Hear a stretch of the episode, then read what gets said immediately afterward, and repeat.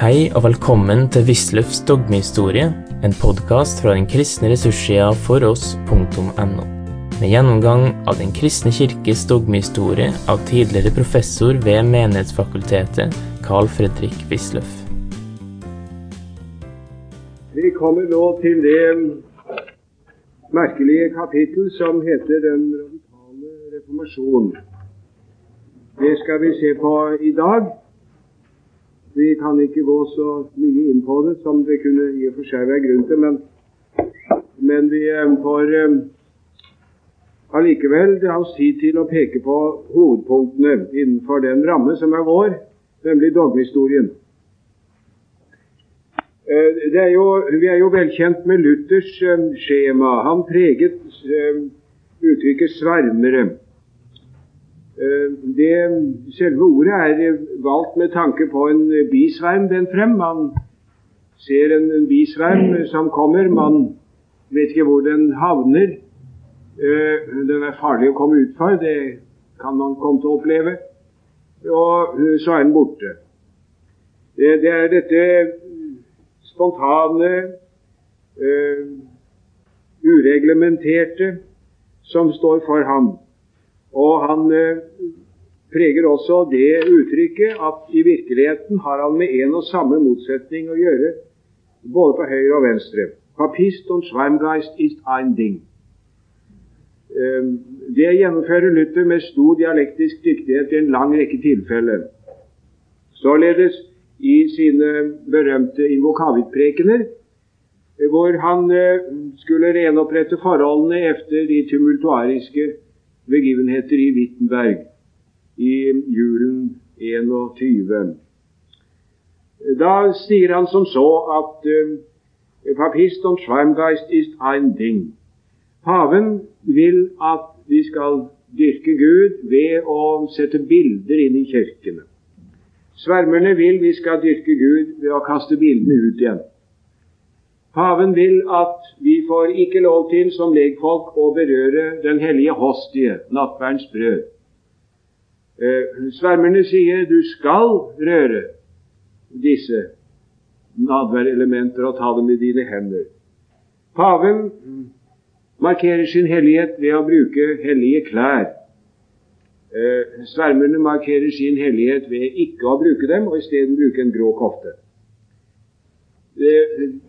Papist Schwarmgeist ist ein Ding. I motsetning til begge vil han være bestemt utelukkende av det Guds ord som gir oss hva vi skal tro, og hvorledes vi skal leve. Han mener at både paven og disse som han kaller svermerne, ikke lar seg bestemme av Guds ord, men av sin egen hjertes tanke. Det er et uttrykk som han åpenbart har vært glad i, fordi han bruker det flere ganger. Og jeg har funnet det både vendt imot paven og imot disse han kaller svermerne. Og det lyder sånn Og når man så spør hvor de har det fra, dann brysten sie sich auf, brüsten sich mit Gewalt und antworten, ist es nicht genug, dass wir es gesagt haben. Altså det paven sier så, og svermerne sier så. De har ingen grunn i Skriften for noen ting, mener Luther. De bare mener at det er sånn, og det får vi da bøye oss for. Eh, nå, dette har preget den uh, lutherske kristenhets uh, syn opp gjennom tidene, slik at man til stadighet har inntrykk av at mange lutheranere mener seg å leve i en lignende situasjon. Det er greit og oversiktlig og lett å håndtere. Virkeligheten er dessverre betraktelig mer komplisert. Det var bare det at Luther aldri brydde seg om å sette seg inn i denne mangfoldighet av meninger som han så på den høyre fløy. Luther ser dem til høyre, han ser paven til venstre, hva det nå kan komme av, men han plasserer det sånn. Høyre og venstre motsatt av det vi pleier å si. Eh, men eh, han, han satte seg aldri noe særlig godt inn i dem.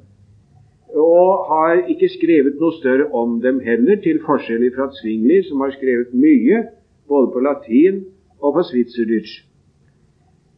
Men eh, når vi nå skal forsøke å liksom systematisere all denne mangfoldighet, så er det beste antagelig å dele dem i tre grupper. Det er døpere, og det er spiritualister, og det er de man har kalt for evangeliske rasjonalister. Eh, det er eh, antitrinitariere som regel.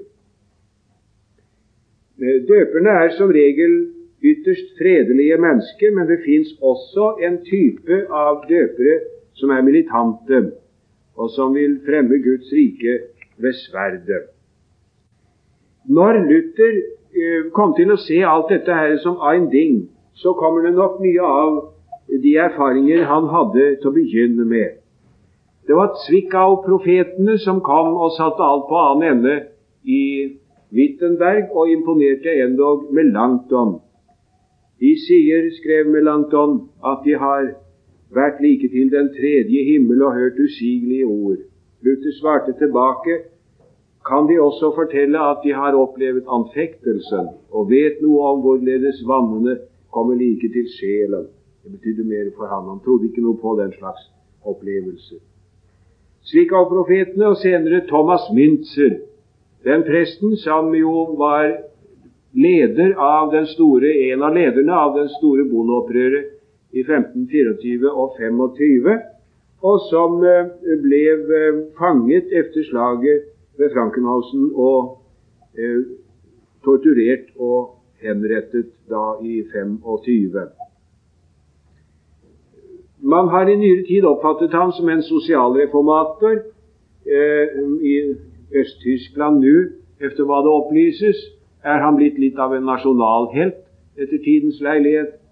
Eh, og eh, man ser veldig stort på hans rolle i bondeopprøret, mens Luther jo er reaksjonens talsmann.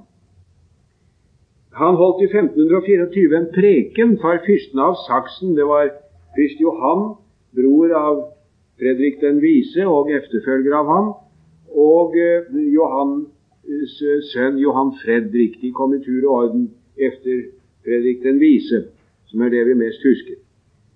Eh, Johan, bror av den store kurfyrsten, han var ikke så helt fri for å være litt påvirket av sånne mer svermeriske synsmåter, mens Johan Fredrik var lutheraner i sinn og skinn inntil sin død. Eh, disse menneskene var ikke gjendøpere. Det har man trodd, men det er nå helt på det rene. Vi har ikke et eneste eksempel på at uh, Münzer og hans folk var gjendøpere. De kritiserte riktignok barnedåpen og, og, talte uh, om atskillig tvil om barnedåpen. Men at de foretok gjendåp, er ikke bevist, og sannsynligvis ikke tilfellet. Eh, så har vi døperne. De egentlige døpere. Det begynte i Sveits. Det begynte i Zürich. Det var eh, en, en krets av eh, Zwingli-disipler som eh, begynte med disse tankene, eh, og som ble gjendøpere. De var i sin teologi absolutt svinglianere. Døpernes sakramentteologi, det er svingliansk teologi helt og fullt. Det skal man være oppmerksom på. De er svingelianere. Men samtidig så er det helt på det rene at døpernes største og første punkt er egentlig ikke dåpen, men det er Kirken. Det er viktig å være oppmerksom på det. Eh, de ble kalt døpere fordi de eh, døpte folk, folk som jo var døpt som barn, og dette tiltrakk seg stor oppmerksomhet og, og stor, stor raseri. Følgelig så kalte man dem for døpere. Men det som er selve det teologiske utgangspunkt og det fornemmelige anliggende for dem, det er Kirken. Døperne, nemlig, de sprenger denne syntese mellom kirke og folk som hadde vært i så mange hundre år. Corpus Christianum. Eh, alle de tre store reformatorene og deres tilhengere var folkekirkelige. Luther var folkekirkelig, Calvin og Zwingli var folkekirkelige og holdt på sitt vis på den gamle syntese mellom kirke og folk. I prinsippet ikke forskjellig fra det den katolske kirke hadde holdt på. Døperne derimot hadde et helt annet syn. Kirken skulle kun bestå av bevisst troende. Og i Kirken skulle man være undergitt en bestemt disiplin som er meget streng. Man har kalt eh, døperne ein folk des bondes, et paktes folk. De inngår pakt med Gud og med hverandre om at de skal leve et hellig liv, og de skal gjennomføre en streng kirketukt. Et uh, veldig viktig begrep i den sammenheng er ordet maidom. Maidom, altså at man skal sky, unngå uh, noen som nemlig har syndet. Hvis noen av tilhengerne har begått en synd, så skal man si meg dem. Man skal isolere dem. Skal ikke ha noe mer med dem å gjøre etter en bokstavelig forståelse av en del eh, klare ord hos Paulus som jo går i den retning. Korintibrevene f.eks. Eh, dette to gjennomførte de så strengt at endog i familiene ble sprengt på denne måten. Og det er mange merkelige eksempler på det. Døperne er ikke, ikke svermere i noen som helst forstand. De er eh, biblisister. De er loviske biblisister. De eh, forakter ikke ytre ordning, men tvert imot anser ytre ordning for å være absolutt nødvendig. Når Luther skriver om Eh, døperne og kaller dem svermere, så tror han hele tiden at døperne er sånn som Thomas Müntzer, som ikke bryr seg om noe ytre ordning, eller sånn som Karlstad, som utviklet seg i den retning, som sitter i en krok og venter på Den hellige ånd, som han sier, og som anser alt utvortes for å være ganske likegyldig. Så likegyldig at til syvende og sist både sakramenter og kirkeordning og geistlighet og kirkehus og alt mulig er komplett likegyldig. Eh, det tror han, men det er fullstendig galt. Eh, døperne, de sveitsiske brødre, som de ble kalt, og som hadde ø, sympatisører og utløpere også i Tyskland, de legger i høyeste grad vekt på en ytre ordning. Man skal ha en bibelsk menighetsordning. Man skal ha visse embeter som eh, betjeningen med ordets sakrament er betrodd, og som også har det primære ansvar for kirketukten. Alltid veldig viktig hos, eh, hos døperne. Eh, døpernes, eh, altså En konsekvens av dette kirkesyn må bli at barnedåpen forkastes. Barnedåp og folkekirke hører jo så nøye sammen. Men en sånn en voluntaristisk kirke, hvor man altså går inn i pakten personlig etter en overbevisning, den kan man jo ikke innlemme barn i, det sier seg selv. Og dermed våkner tankene på nytt om dåpen. Den svingliske teologi skulle jo ikke gi dem noen hjelp i så måte.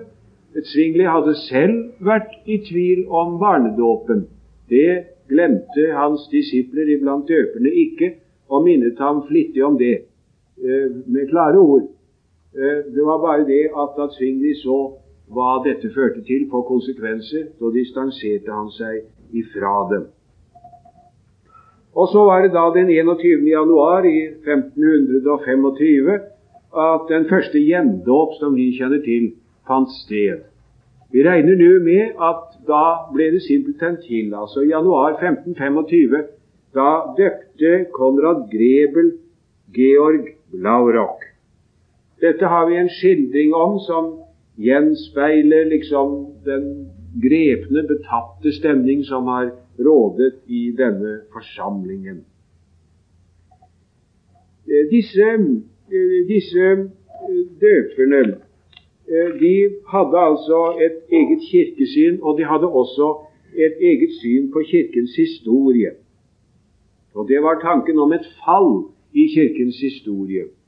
Det var andre som hadde hatt det før, spiritualistene i middelalderen, altså spiritualene, de radikale fransiskanere, hadde laborert med tanker om at Kirken var falt.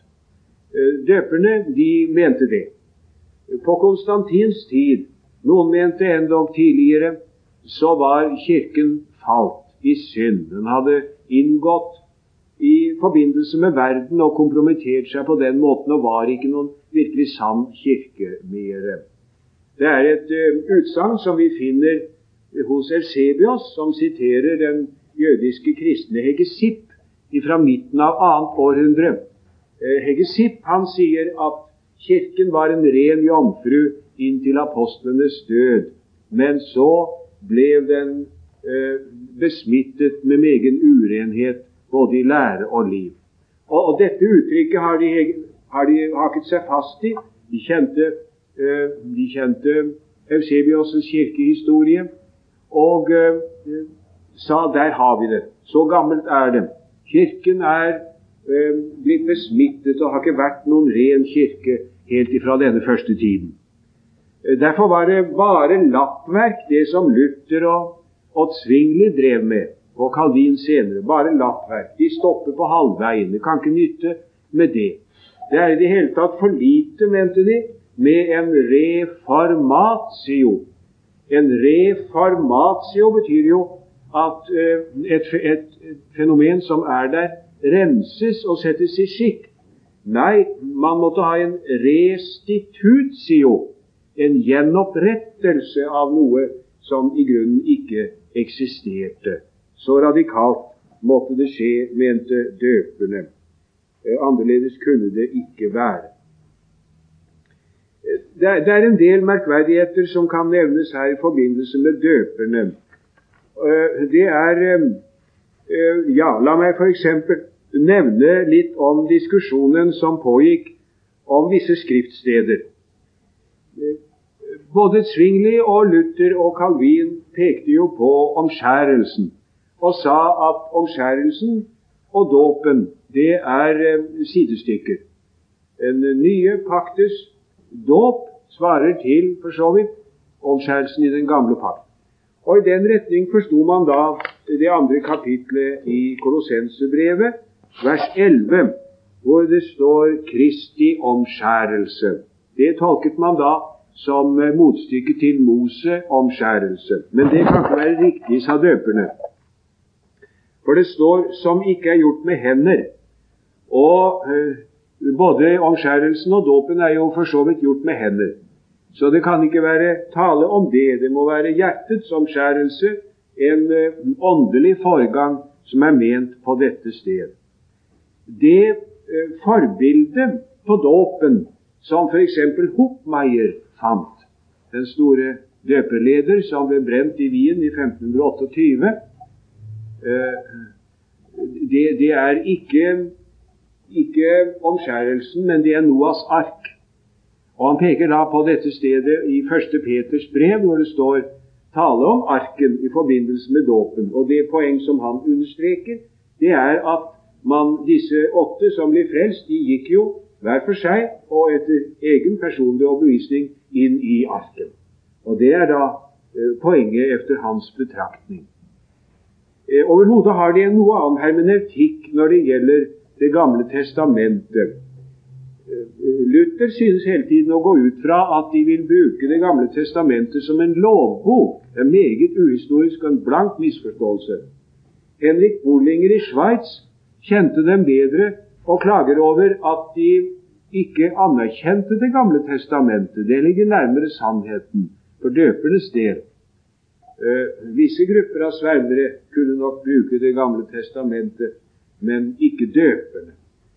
De forkastet ikke Det gamle testamentet, det var for strengt sagt av Henrik Bollinger. Men eh, det er riktignok at de underkastet det en egen tolkning.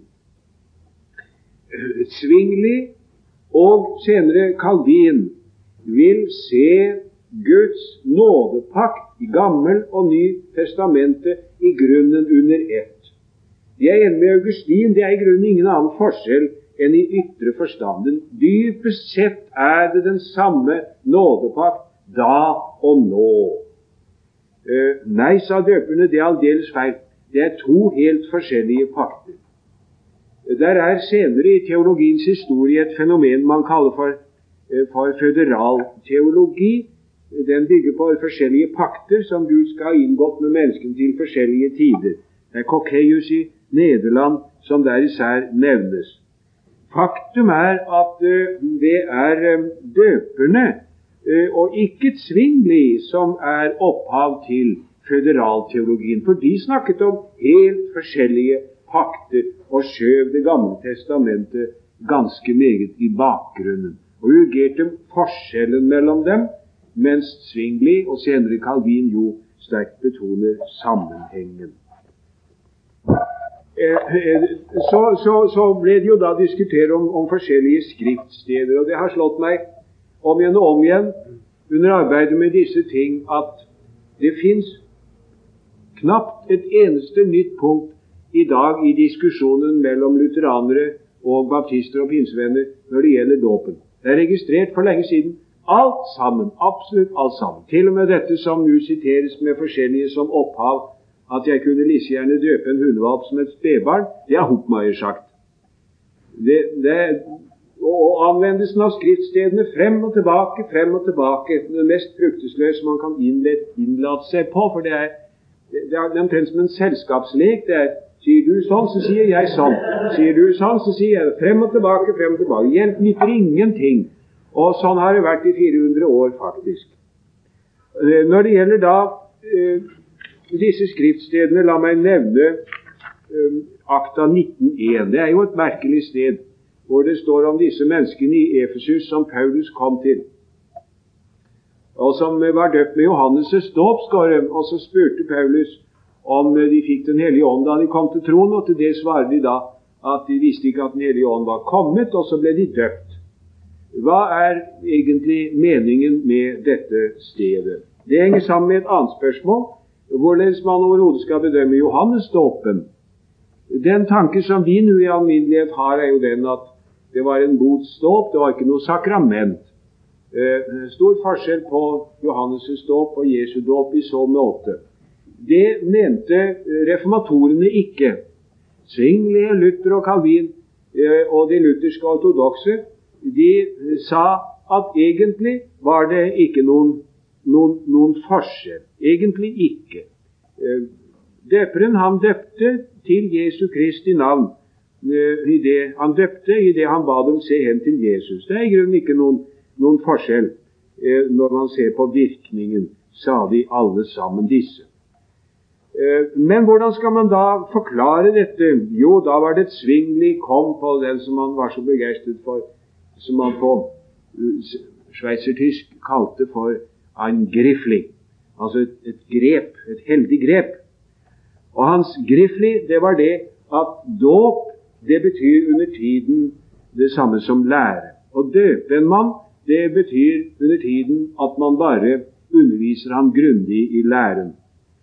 Og disse menneskene de var tidligere bare døpt med Johannes' lære, ikke med hans dåp. Altså ble de ikke gjendøpt, hvilket skulle bevises imot gjendøperne.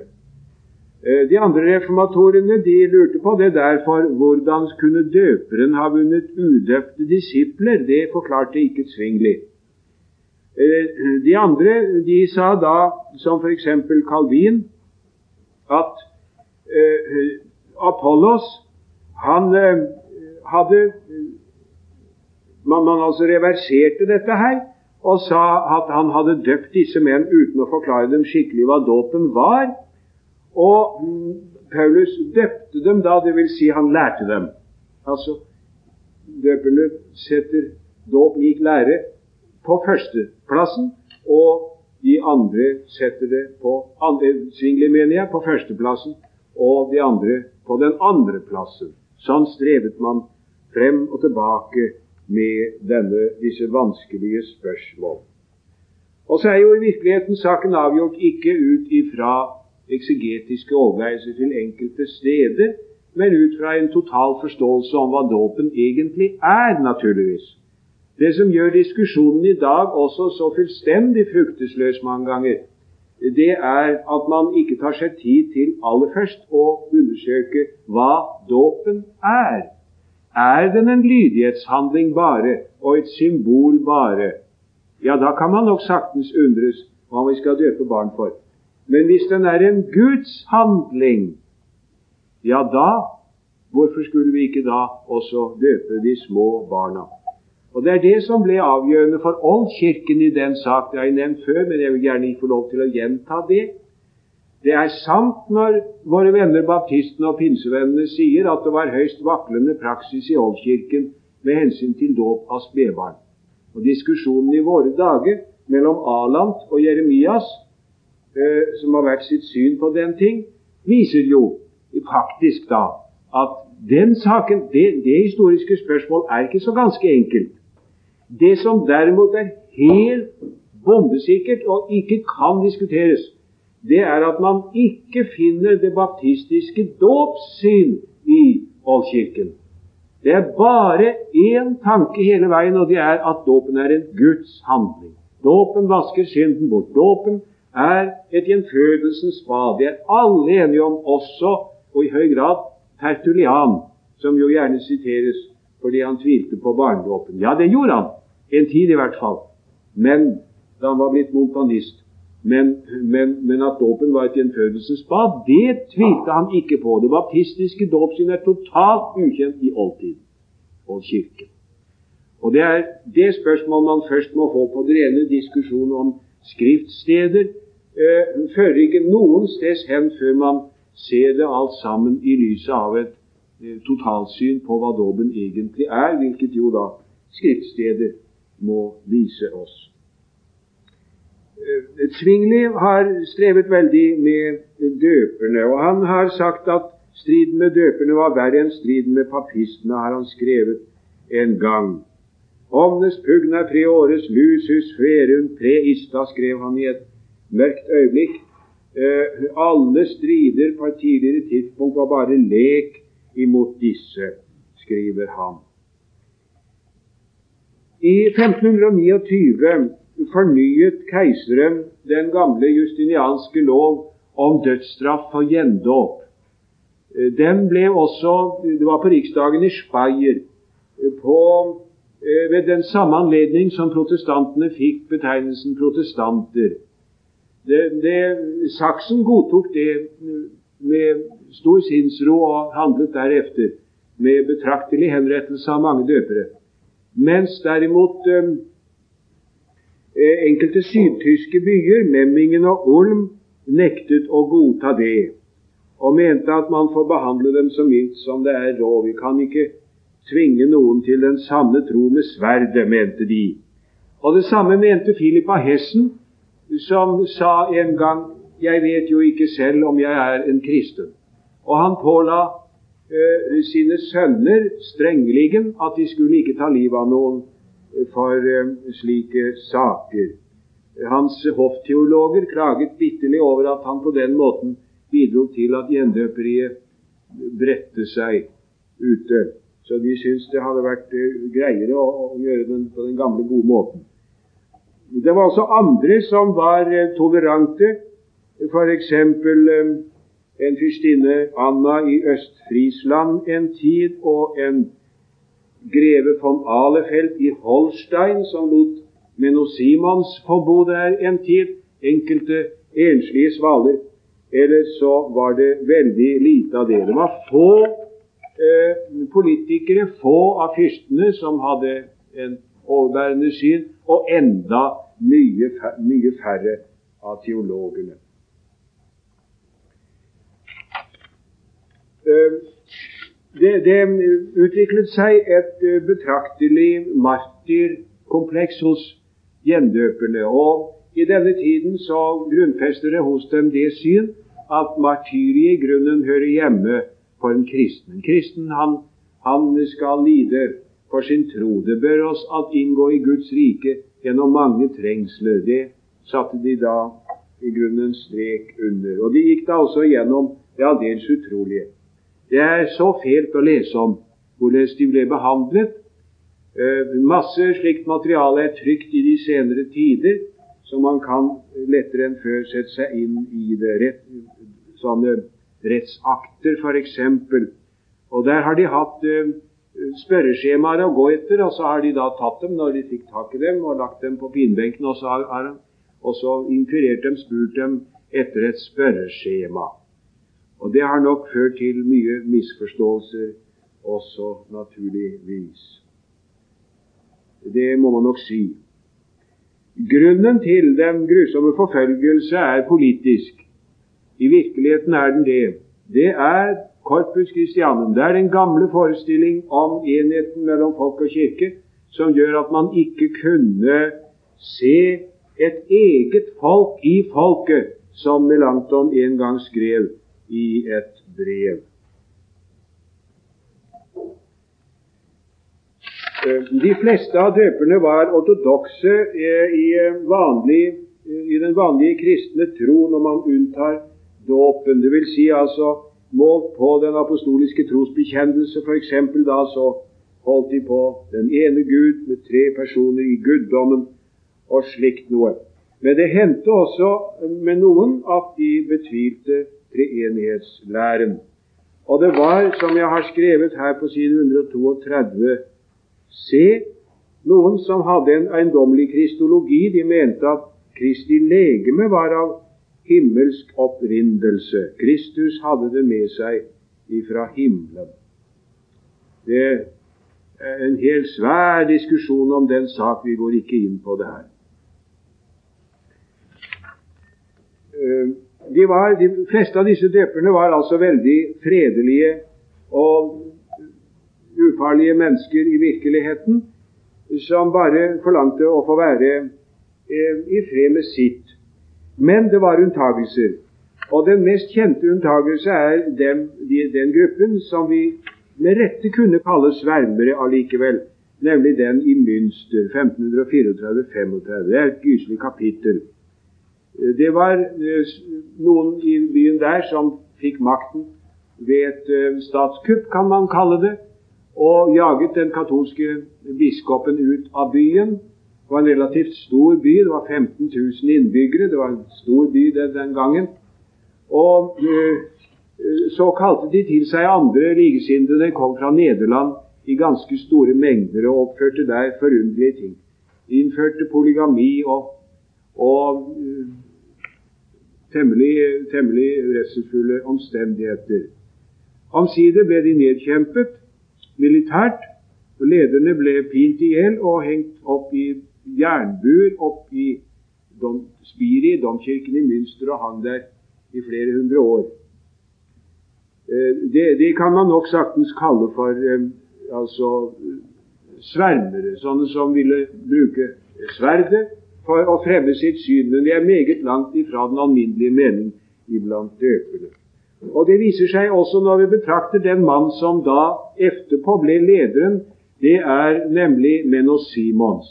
Det er et ganske viktig navn som det er eh, grunn til å merke seg.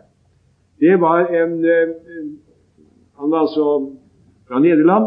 Han var, hadde vært katolsk prest og har fortalt om hvorledes han i lange tider hadde vært eh, i tvil om sin kirkes lærestykker ikke minst når det gjaldt paven, og når det gjaldt nattverden. Han leste messe, men med stigende ubehag. Han kunne ikke tro noe på det. Så begynte han å tvile også på dåpen og gransket Bibelen og syntes ikke han fikk noe ut av det, og møtte så hjemdøpere og sluttet seg til dem. Han, eh, han var det i grunnen som samlet disse eh, døperne etter katastrofen i Münster, med Menos Simons. Han fikk da bo en tid, på en måte flykte fra Nederland, men bodde da i tid hos den fyrstinne Anna i Øst-Friesland. Det var et suverent område, så hun gjorde som hun ville der, og der fikk han være i fred. Men etter at hun øh, øh, døde, så reiste han til Vismar og fikk bo der en tid, og var der da Laski kom med disse stakkars reformerte fra England som hadde håpet å kunne slå seg ned i Danmark vet de, i 1553. Men det fikk de ikke lov til, så midt på kalde vinteren fikk de vær så god seile fra Danmark igjen og kom altså til en østersjøhavn. hvor ingen brydde seg om dem, for det ryktedes jo ganske snart at de ikke hadde den sanne tro, så de holdt på å fryse i hjel ute på den islagte havna i båten sin. De som da tok seg av dem, det var Menno Simons og hans gjendøpere. Eller døpere, som de jo selv kaller det naturligvis, fordi de ikke mener at de var døpt før. Menno og Simons har skrevet ganske mye, og er altså for så vidt litt av en klassiker. Og fremdeles har vi en eh, kirke som heter menonittene. Det er sterkt oppdelt i grupper og finnes for det meste i USA. Noen av dem kalles amish. Er det noen som har vært borti det i Amerika? Det hender at man Har de det? Hvor hen? Pennsylvania. Ja, det, de bor altså innenfor høye plankegjerder, ikke sant? Og, og øh, gjorde ikke disse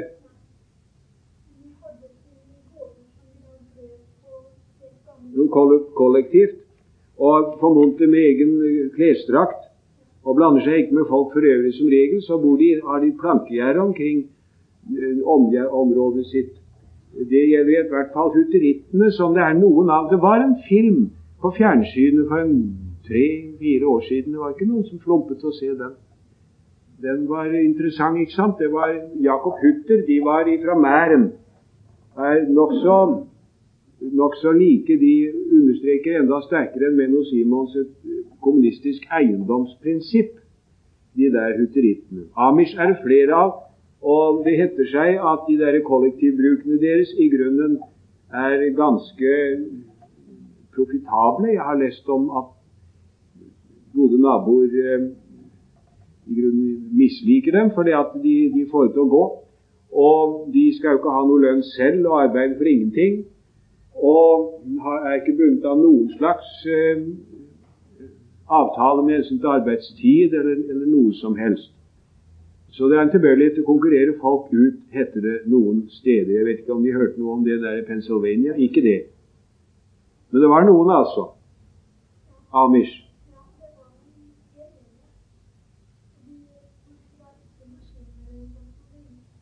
Å ja, det, det har kommet borti de aller strengeste, dette da, ja. Men Amish, det var en som det var en som heter Jakob Ammen og var fra, fra Sveits, som var opprinnelsen til de der. Og De ble menonitter. Det er veldig oppdelt. Jeg har en oversikt over det i en eh, amerikansk fremstilling.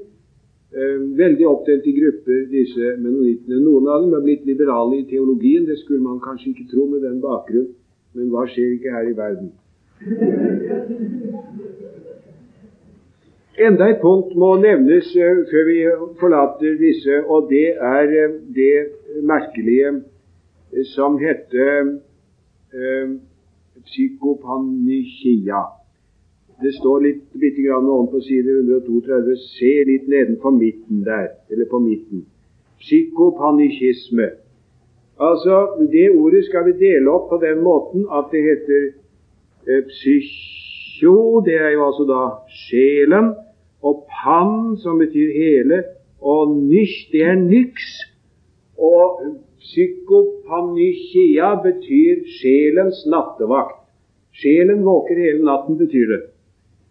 Uh, uh, og det er da men, men, merkelig nok, sånt nå hender det jo, så er det kommet til å bety det helt det motsatte. Psykopanikisme er betegnelsen for det syn at uh, sjelen sover ubevisst, en ubevisst søvn, fra døden til oppstandelsens dag. Og det lærte de fleste av, av døperne. Det lærte for øvrig også Luther. Han, eh, eh, og det, det, kom av det forandrede eschatologiske perspektiv som inntrådte i og med reformasjonen. Vi, vi, må jo være klar over at den middelaldrende katolske kirke var temmelig aveschatologisert. Man regnet naturligvis med dommens dag, som skulle komme en gang, men det var åpenbart veldig lenge til. Og det som man var opptatt av, det var helt andre ting. Det var livet efter døden. Det var eh, skjærsilden, eh, og det er himmelen, og det var helvete. helvete, hvor alle kommer som dør i dødssynd. Eh, skjærsilden, hvor alle kommer som nok omsider skal til himmelen og kommer til himmelen, men som før de kommer dit, har timelige eh, straffer som de må pines for, bøte for. Det står stor gru av det. Også himmelen, der kommer nydøpte barn som dør umiddelbart, og dit kommer helgener og martyrer. Men eh, ellers etter hvert først, altså kun etter hvert andre når frem til himmelen. Dette tenkte man på. Og så har vi limbus infantium, hvor de udøpte barn av kristne foreldre er. De får ikke skue Gud, men de har det for øvrig nokså bra. Og så er det limbus patrum, hvor de gammeltestamentlige fromme var, men det området er nå tomt, for det tømte Kristus da han for ned til dødsriket og tok dem med seg hjem til Gud. Dette var den middelalderlige katolske forestilling, og den finner man i katolske katekismer like til opp i våre dager. Reformasjonen brøt med det, for det står jo ikke noe i Bibelen om noen skjærsild og limbus patrum og limbus infantium. Dermed ble perspektivet liksom forkortet, og tanken om dommens dag og Herrens gjenkomst atter kom i fokus. Men hva skal man da forestille seg om, om, om livet efter døden? Jo, sa Luther, de sover. Riktig konsekvent har han ikke vært, riktignok, det er en vanskelig sak. Han har visst tenkt litt forskjellig om det, det skal jeg ikke gå inn på. Men som regel sier han det at de sover, og en berømt sted så sier han det at Herren kommer og banker på graven og sier Doktor Martine, sørge. Doktor Martin, stå opp. Døperne mente på samme måte de sover. Og Følgen av det var at eh, det er jo ganske meningsløst å anrope helgener og Maria. Hvorfor vil du ikke anrope helgenene? Hvorfor vil du ikke anrope Guds moder? spurte de dem når de eksaminerte dem. Det er ingen gagn i det, svarte døperne, for de sover. De kan ikke hjelpe oss. Det var psykopanikismen. Andre hadde et uh, annet syn. De lærte at sjelen dør. Uh, det kaltes for nettopsykisme. Nettopsykisme, vi kjenner det greske ordet igjen, om at sjelen dør. Det var en mer filosofisk betraktning som noen hadde, blant andre den italienske filosofen Pomponassi, Pietro Pomponassi, som eh, paven uttalte seg imot. Så meget om døperne, og vi skal i neste time ta litt om spiritualistene og de evangeliske rasjonalister, antitrinitariene. Du har nå hørt Wisløffs dogmehistorie. Finn flere ressurser og vær gjerne med å støtte oss på foross.no. Følg også gjerne noen av våre andre podkaster, f.eks. Confessio.